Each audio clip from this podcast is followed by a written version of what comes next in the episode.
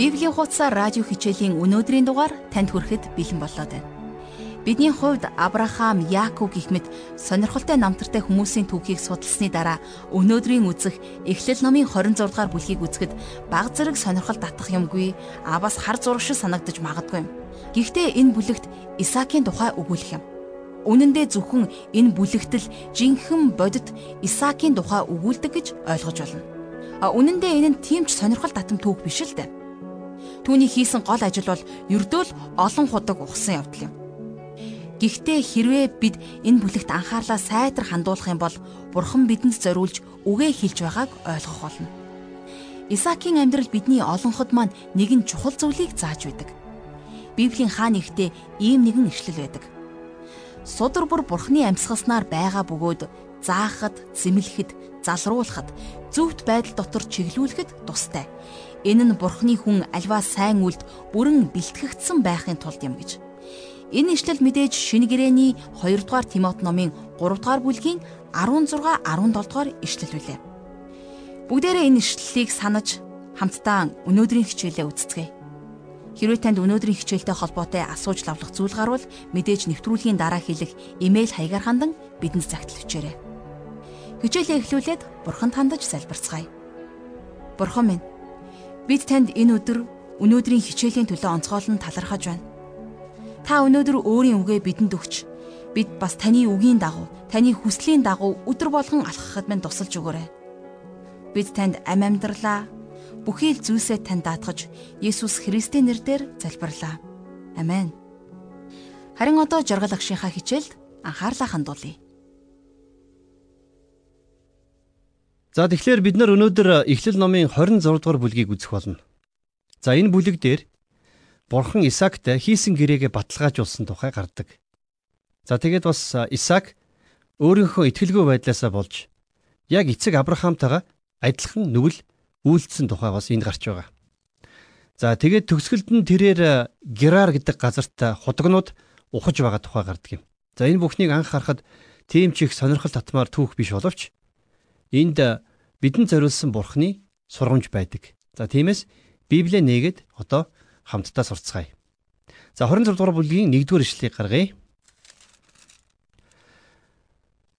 Авраамийн үед анх өлсгөлэн болсон тэр газарт дахин өлсгөлэн болсонд Исаак Герар руу одож Филистийн хаан Абимелехт хурж очжээ.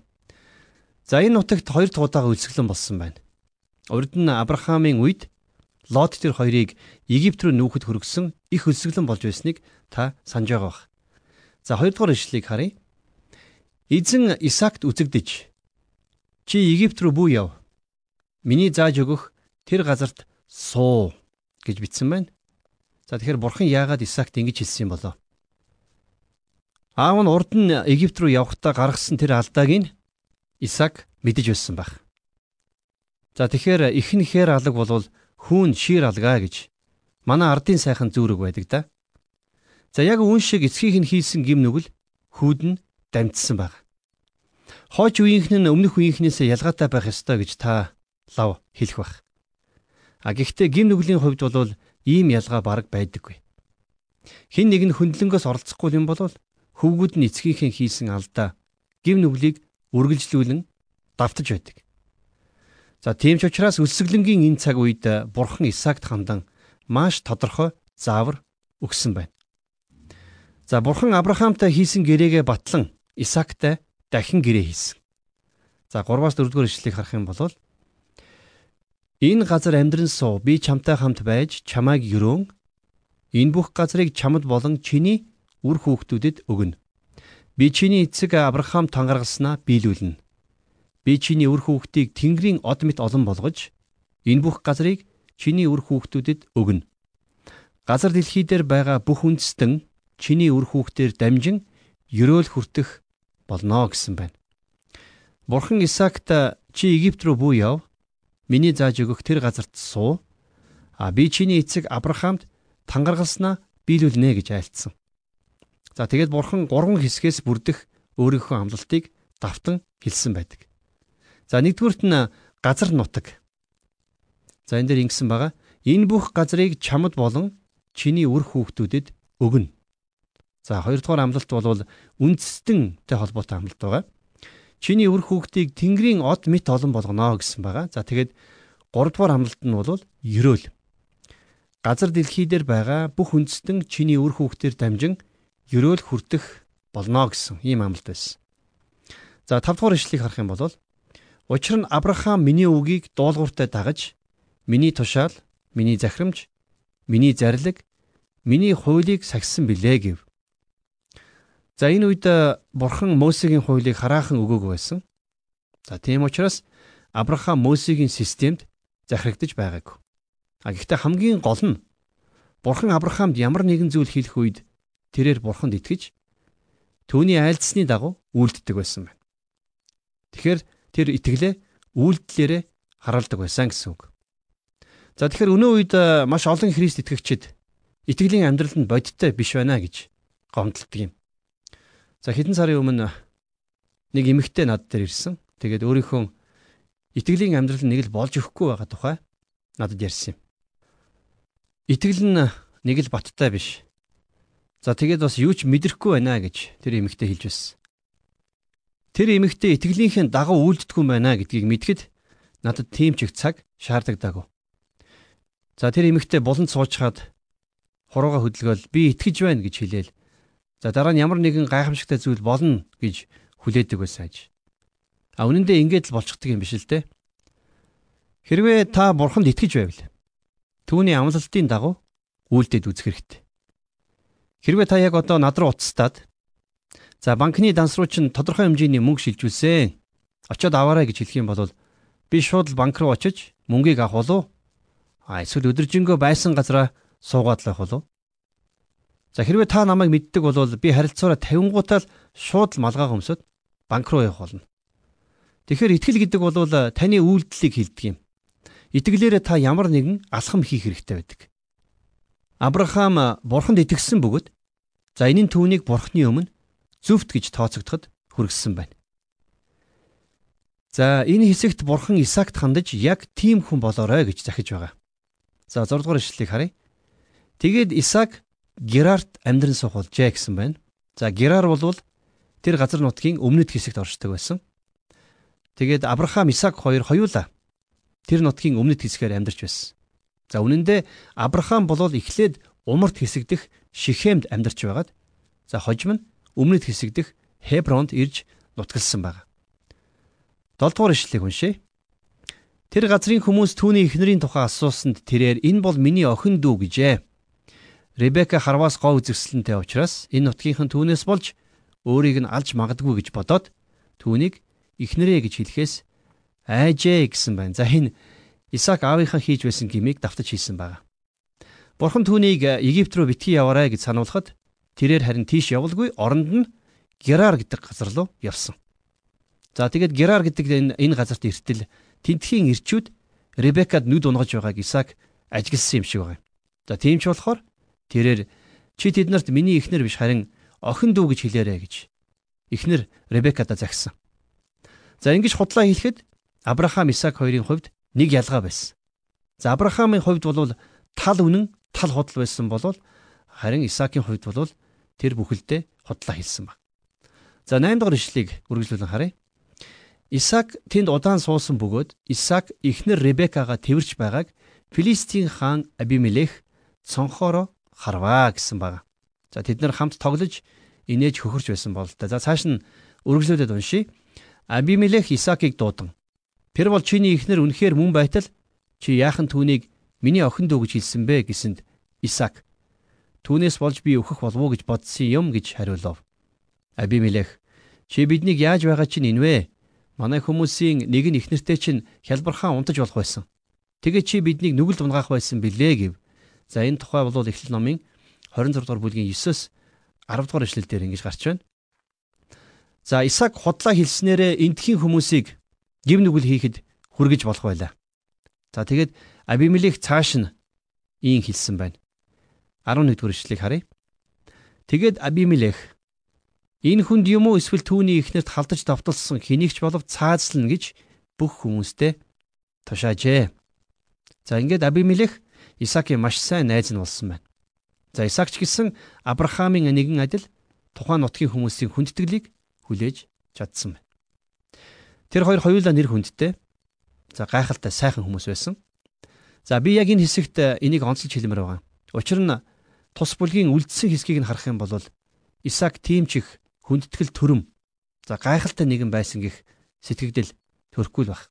За 26-гийн 12 дугаар ишлэлийг харъя. Исаак тэр газар тариа тарьж тэр жилдээ 100 дахин илүү ургац авчээ. Эзэн түүнийг өрөөсөн учраа за энэ төр зогсъё. За үнэхээр бурхан болвол Исаактай хамт байсан байна. Энэ бол Авраамыг дуудсан тэр өдрөөс хойш. За энэ гэр бүлийнхэнд бурхны амлсан ерөөл байсан юм. За энэ бол газар дэлхий дээрх ерөөл. За харин хожим нь тэд нарыг энэ газар нутагт ирж сууршихад бурхан тэднийг ерөөн ажиллаж за сав суулгыг нь хоол хүнсээр дүүрэн байлгах болно гэж амласан байдаг. Тэд нар бурхантай хамт алхаж байх үед бурхан тэднэрт амласан амлалтаа хамгийн сайнаараа биелүүлж байсан байдаг. За харин бидний хувьд бурхан ийм ерөөлөг биш харин сүнслэг ерөөлөг амласан гэдгийг санах хэрэгтэй. За бүхий л сүнслэг ерөөлөөр биднийг ерөөх болно гэж бурхан бидэнд амласан. За энэ бол өнөөгийн бидний хувь тохиол. А гэхдээ энэ ерөөлд тавигдах нөхцөл нь яг адилхан. Энэ нь бид нар бурхантай хамт алхаж байна уу? Үгүй юу гэдгээс л шалтгаалдаг. Хэрвээ та түүнтэй хамт алхах юм бол тэр таны сүнслэг амьдралыг бэлхам дүүрнээр ерөөх болно. Исаак үнэхээр агуугаар өрөөгдсөн гэдгийг бид нар эндээс харж байна. 13 дугаар ишлэлийг үргэлжлүүлэн уншийе. Тэрээр агуу их болж өссөн өссөөр маш их баян чинэлэг болжээ. За Исаак бол үнэхээр гайхалтай маш ихээр өрөөгдсөн гэдгийг санах хэрэгтэй. Тэр тарьсан тарианаас 100 дахин их ургац хурааж авсан. Тэгэхээр Авраам үнэхээр агуу хүн байсан. За Яаков ч мөн адилхан. Харин Исаак бол тийм ч агуу нэгэн байгаагүй гэж олон хүмүүс боддог. А гэтэл та хардаа тэр ч гэсэн үнэхээр бас л агуу нэгэн байсан байгаа биз. Исаакийн амьдрал Авраамийн амьдралтай үргэлж холбоотой явж ирсэн нь маш чухал юм. Исаак төрөх үед ч э, мөн түүний амьдралд Авраам үргэлж оролцсоор ирсэн. А хэдийгээр Исаак тахилын ширээний өмнө өргөгдөхгээ зогсч байсан боловч тэнд Авраам Исаак хоёр бас л хамтдаа л байсан. За тэгвэл энэ бүхэн яагаад ийм чухал байдгийм бэ? Үнийг яагаад ингэж их дурдсан юм бол? Тэгэхээр энэ бүх зүйл бидэнд үлгэр жишээ болохын тулд тохиолдсон гэдгийг бид өмнө нь дурдж байсан. За энэ нь бас Есүс Христ болон за Бурхан эцгийн хоорондох дотн харилцааг бидэнд харуулж өгч байгаа юм. Есүс намайг харсан хүн эцгийг харсан гэж Иохны 14-ийн 9-дэр хэлж байсан. За бас Иохны 5-ын 17 дээр Есүс хэлэхдээ миний эцэг одоо болтол ажилласаар байна. Би өөрөө ч ажиллаж байна гэсэн. За тийм ч учраас Исаакийн түүхийг Авраамийн түүхтэй адилтгаж үзэх нь зөв байдаг. Харин энэ хэсэгт Исаак ганцаараа бие даан амьдарч байна. А гэхдээ яг тийм ч сэтгэл татмаар биш байгаа.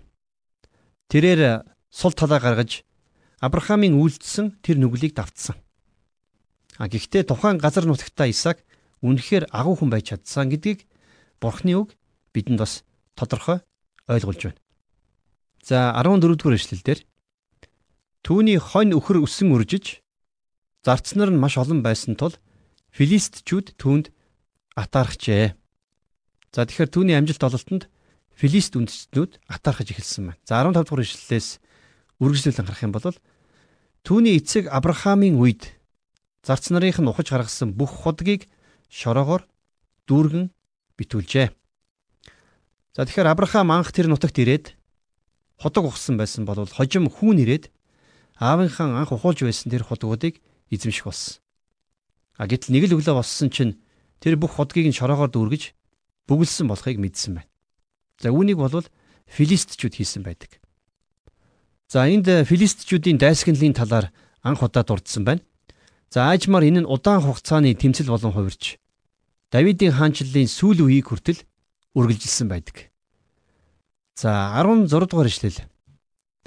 Абимелех Исаакт хандаж чи биднээс илүү хүчтэй болсон учраас биднийг орхиж яв гэв. За тухайн үед Исаак ямар хүчрхэг болсныг бид нэр сайн уншлаа. За 17 дугаар ишлэгийг үргэлжлүүлэн харах юм бол Исаак тэр газрыг орхин явж Герарын хөндийд майхнаа барьж тэндээ сууршив гэсэн байна. За тэгэхээр Абимелех хаан энд та одоо бидэнд маш их хүндрэл авчирж байна. Тийм болохоор эндээс явсан дээр бололтой гэж хэлсэн. За тэрээр Исаакийг маш их хүнддэгдэг байсан илэрхий. За ингэж хөөгдөж явсан нь Исаакийн хувьд маш их том доройтол мэд харагдаж болох ч гэсэн за үнэн дээр тийм биш байсан юм. Тэр ингэснээрээ а өөрийнхөө эцэг Авраамийн амьдарч байсан газарт буцаж ирдэг юм. 18-аас 20 дугаар ишлэгийг уншъя. Исаак эцэг Авраамынхаа үед ухаж гаргасан худгуудыг дахин угжээ. Учир нь Авраамыг нас барсны дараа тэдгэр худгуудыг филистчүүд чигжиж битүүлсэн байв. Исаак тэдгэр худгуудыг эцгийнхээ өгсөн нэрээр нэрлэв. Исаакийн зарц нар Герарын хөндийд газар ухаж ундран гарах усны худаг олжээ. Герарын малчид Исаакийн малчидтай маргалдаж энэ ус бол манайх хэмээсэнд Исаак тэр маргалдаанаас болж уул худгийг Есек хэмээн нэрлэвэ гэсэн байна. За энд ч гэсэн асуудал үргэлжилсээр байгааг харж байна. Ус надад бурхны үгийг илэрхийлж байгаа юм шиг санагдаж байна. За бид нар үүнээс хандлаа авах хэрэгтэй. Үүнийг үгийн ус гэж нэрлэдэг юм. Сэтгэлийнхэн цангааг тайлахын тулд бид нар үүнээс уух хэрэгтэй. За бас энэ усаар бид нар угаагдан цэвэрлэгддэг. Өөрийнх нь айлдсан үгээр дамжуулан бид нар цэвэрлэгддэгэ гэдгийг Есүс өөрөө ч гэсэн хэлсэн байдаг юм. За ус бол хүмүүний амьдралд хамгийн хэрэгцээтэй зүйл. Ус чандам нэрдэнэ гэж бид нар ярьдаг. Ус байхгүй бол та бид нар амьдарч чадахгүй. Илсэн цүлд баян бүрд гэж газар байдаг. За ангамл илсэн цүл донд амьтай ногоон арал шиг тийм газар байдаг. Энэ хэсэгхэн газрын үржил шимтэй сайхан байгаагийн цорын ганц нууц бол усанд байдаг юм. Тэгэхээр найз минь бурхны хүүхдүүд өвөр хоорондоо ялгаатай байдгийн цорын ганц шалтгаан бол ус буюу бурхны үгийн ус байдаг. Бурхны үгийг судалдаг хүмүүсийн амьдрал бусад хүнийхээс маш их ялгаатай байдаг юм. Мэдээж амьдралд бэрхшээл тэмцэл байх нь гарцаагүй. Хэрвээ та үнэхээр л бурхны үгийг сурч судлахыг хүсэж байгаа бол энэний төлбөр төлөөсийг нь төлөх хэрэгтэй болно гэсэн. Тэгэхээр муу ерийн сүнс танд бурхны үг л биш бол өөр юу ч өгөхөд байнга бэлэн байдаг. За цааш нь унши 21-с 22 дугаар ишлэл. Тэд өөр нэг худаг гаргаж бас дахин маргалджээ. Исаак түүнийг Ситна хэмээн нэрлжээ. Тэрээр тэндээс нүүж бас нэгэн худаг ухсан бөгөөд дахин маргаан гараагүй учраас түүнийг Рихобот гэж нэрлээд эзэн бидэнд газрыг тэлж өгсөн учраас бид энэ нутаг дээр үнэр өтгөн болно гэв гэсэн байна. За тэгэхээр Исаак тэр гурав дахь худгийг Рихобот гэж нэрлсэн. За энэ нь бидэнд зай байна гэсэн утгатай үг юм байна. За үүнээс өмнө тэр худаг усан боловч тэр нутгийн хүмүүс энийг булаацалдаж булааж авсан. Тэгэхээр нь тэр цаашаага нүгэд өөр нэг худаг усан боловч бас л бөө маргаан гараад түүнийг булааж авсан. Тэгэхээр тэр зүгээр л өөр газар шинэ худаг ухсан. За энэ бүхнээс Исаак бол маш их төсвөр төвчээртэй. За тэгээд нөгөө талаар бас амар тайвны хүн байсан гэдгийг бид нар харж байна. Харин Израилийн хаан Давид байсан болоод ингэхгүй байсан гэж би баттай хэлж чадна. За тэгээд тэр ч байтугай Есүсийн дагалдагч байсан Симон Петр ч гэсэн лав ийм зан гаргахгүй байсан баг. За үннийг хэлэхэд би ч гэсэн Исаак шиг байж чадахгүй. За энэ бол байж штэ энэ бүлгээс сурах ёстой хамгийн чухал хичээл байсан. Ялангуяа бид нар бурхны үгийг судалж байхдаа яг ийм төсвөр төвчээртэй байх ёстой юм. За цааш нь уншия. Исаак тэндээс Бершиба руу явв. Тэр шөнө нь эзэн түүнд үзэгдэж би бол чиний эцэг Авраамийн бурхан. Бүү ээ. Учир нь би чамтай хамт байна. Миний зарц Авраамийн төлөө би чамайг ерөөн чиний үр удмыг үнэр өтгөн болгоно гэв гэсэн байна. За 23-аас 24 дугаар ишлэлдэр яг ингэж бичсэн байсан. Тэгэхээр бурхан тэрэнд үзэгдэж тэрнийг тайвшруулсан байна. Йосефос бусад бүх өвөг эцгүүдэд бурхан үзэгдэж өөрөө үгээ хэлж байсан. За тэрээр Авраам, Исаак, Яаковд үзэгдэж тэдэнтэй уулзж байсан юм. 25 дугаар ишлэлээс харах юм бол Исаак тэнд тахилын ширээ босгож эзний нэрийг дуудан тэр газарт майхнаа барьж зарцнаар нь тэнд худаг ухжээ. За тийхүү тэр үргэлжлүүлэн худаг ухуулсан байна. Исаакийн хажууд үргэлж худаг байсан гэж бид нар ойлгож байна. Авраамийн хажууд тахилын ширээ байдаг байсан бол харин Яаковын хажууд үргэлж майхан байхыг та дараа дараажийнхаа бүлгээс харах болно. За 26-аас 29 дэх ишлэлийг унших юм бол за энд ингэж бичсэн байгаа. Абимелех өөрийн туслах Ахузат цэргийн ерөнхий захирагч Фикол нарын хамт Герараас Исакт ирэв. Исак тэдэнд хандан та нар намайг үзэн ядаж өөрсдөөсөө хөөн зайлуулсан атлаа яагаад над руу хурж ирэв гэсэнд тэд эзнийг чамтай хамт байгааг бид тодорхой харсан учраас бид хоорондоо буюу та бидний хооронд тангараг тавьж чамтай гэрээ байгуулъя гэж хэлэлцсэн юм.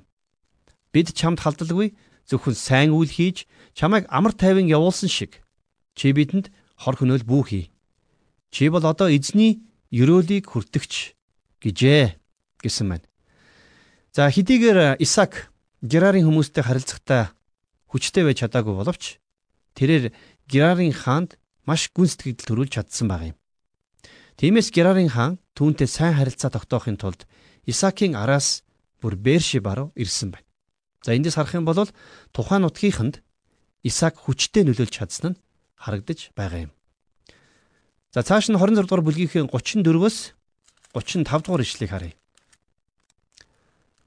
За Исав 40 настайдаа хит хүн Бэрийн охин Юдит хид хүн Илоны охин Басимат хоёрыг эхнэр болгон авчээ.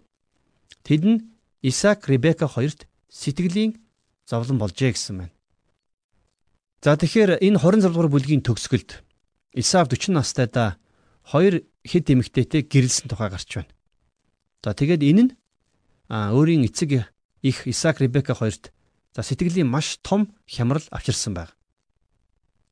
Тэгэхээр хэрвээ тэд нар үнэхээр Яаковыг хит юм уу филист эмэгтэйтэй гэрлүүлмээргүй байсан бол яг л нөгөө Авраамийн төрөл төрөстөөс Исаак шиг бэр болгохын тулд Яаковыг хараан руу явуулах хэрэгтэй болоод байсан.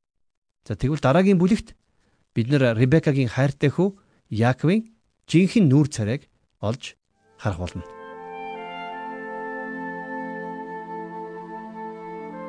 Тэгэхээр үнэндээ энэ бүлэг дээр бурхан бидэнд маш чухал зүйлийг зааж байна. Энэ талаар Илч Паул хэлэхдээ учир нь эрт үед бичигдсэн альва зүйлс нь биднийг сургахын тулд бичсэн юм. А ингэснээр судруудын төвчээр болон урамшууллаар дамжуулан бидэнд найдвар байх юм гэж Ром номын 15 дахь бүлгийн 4 дугаар ишлэл бичсэн байдаг. Энэ бүлэг бол дэсвэр төвчээрийн тухай өгүүлдэг бүлэг юм. Бидний дундаас над шиг олон хүн дэсвэр төвчээр суралцах гарцаагүй шаардлагатай байгаа. Бидэнд Авраам шиг, Яаков шиг, Давид шиг ирч хүчтэй шийдэмгий ирчүүд бурханд байсан. Бурхан тэднийг ч гэсэн ашиглаж байсан гэсэн үг. А гэхдээ өнөөдөр биднийг Исаак шиг итгэлийн баатрын амьдралаас төвчээртэй шаргуу зангийн суралцаасаа гэж хүсэж байна. Тэгэхээр хамтдаа бодож үзье л дээ. Бид Исаак шиг бурханы үгийг судлахдаа төвчээртэй шаргуу хандаж чаддгүй А бас бидний амьдралд аливаа асуудал тулгархад бид Исаак шиг шаргуу бас хөдөлмөрч төвчээртэй хандаж чаддаг билүү? Хэрвээ чаддгүй бол хамтдаа яг өнөөдрөөс эхлээд Бурханаас тусламж ирэн залбирцгаая. Эзэн минь та өөрийн ариун сүнсний үр жимс болсон төвчээртэй байдлыг бидэнд дүүргэж өгөөч. Аливаа асуудалд Исаак шиг төвчээртэй амар амгалан хүлээцтэй бас хөдөлмөрч ханддаг байхад та бидний зүрх сэтгэлийг, та бидний зан чанар хандлагыг тэнхүү өөрчилж өгөөч. Өдөр бүрийн амьдралдаа биднийг төвчээртэйгээр алхахад та биднийг өөрийн ариун сүнсээрээ хөтлөн дагуулж удирдах өгөөрэй. Бид танд амь амьдралаа даатгаж Есүс Христийн нэрээр залбирлаа. Амен.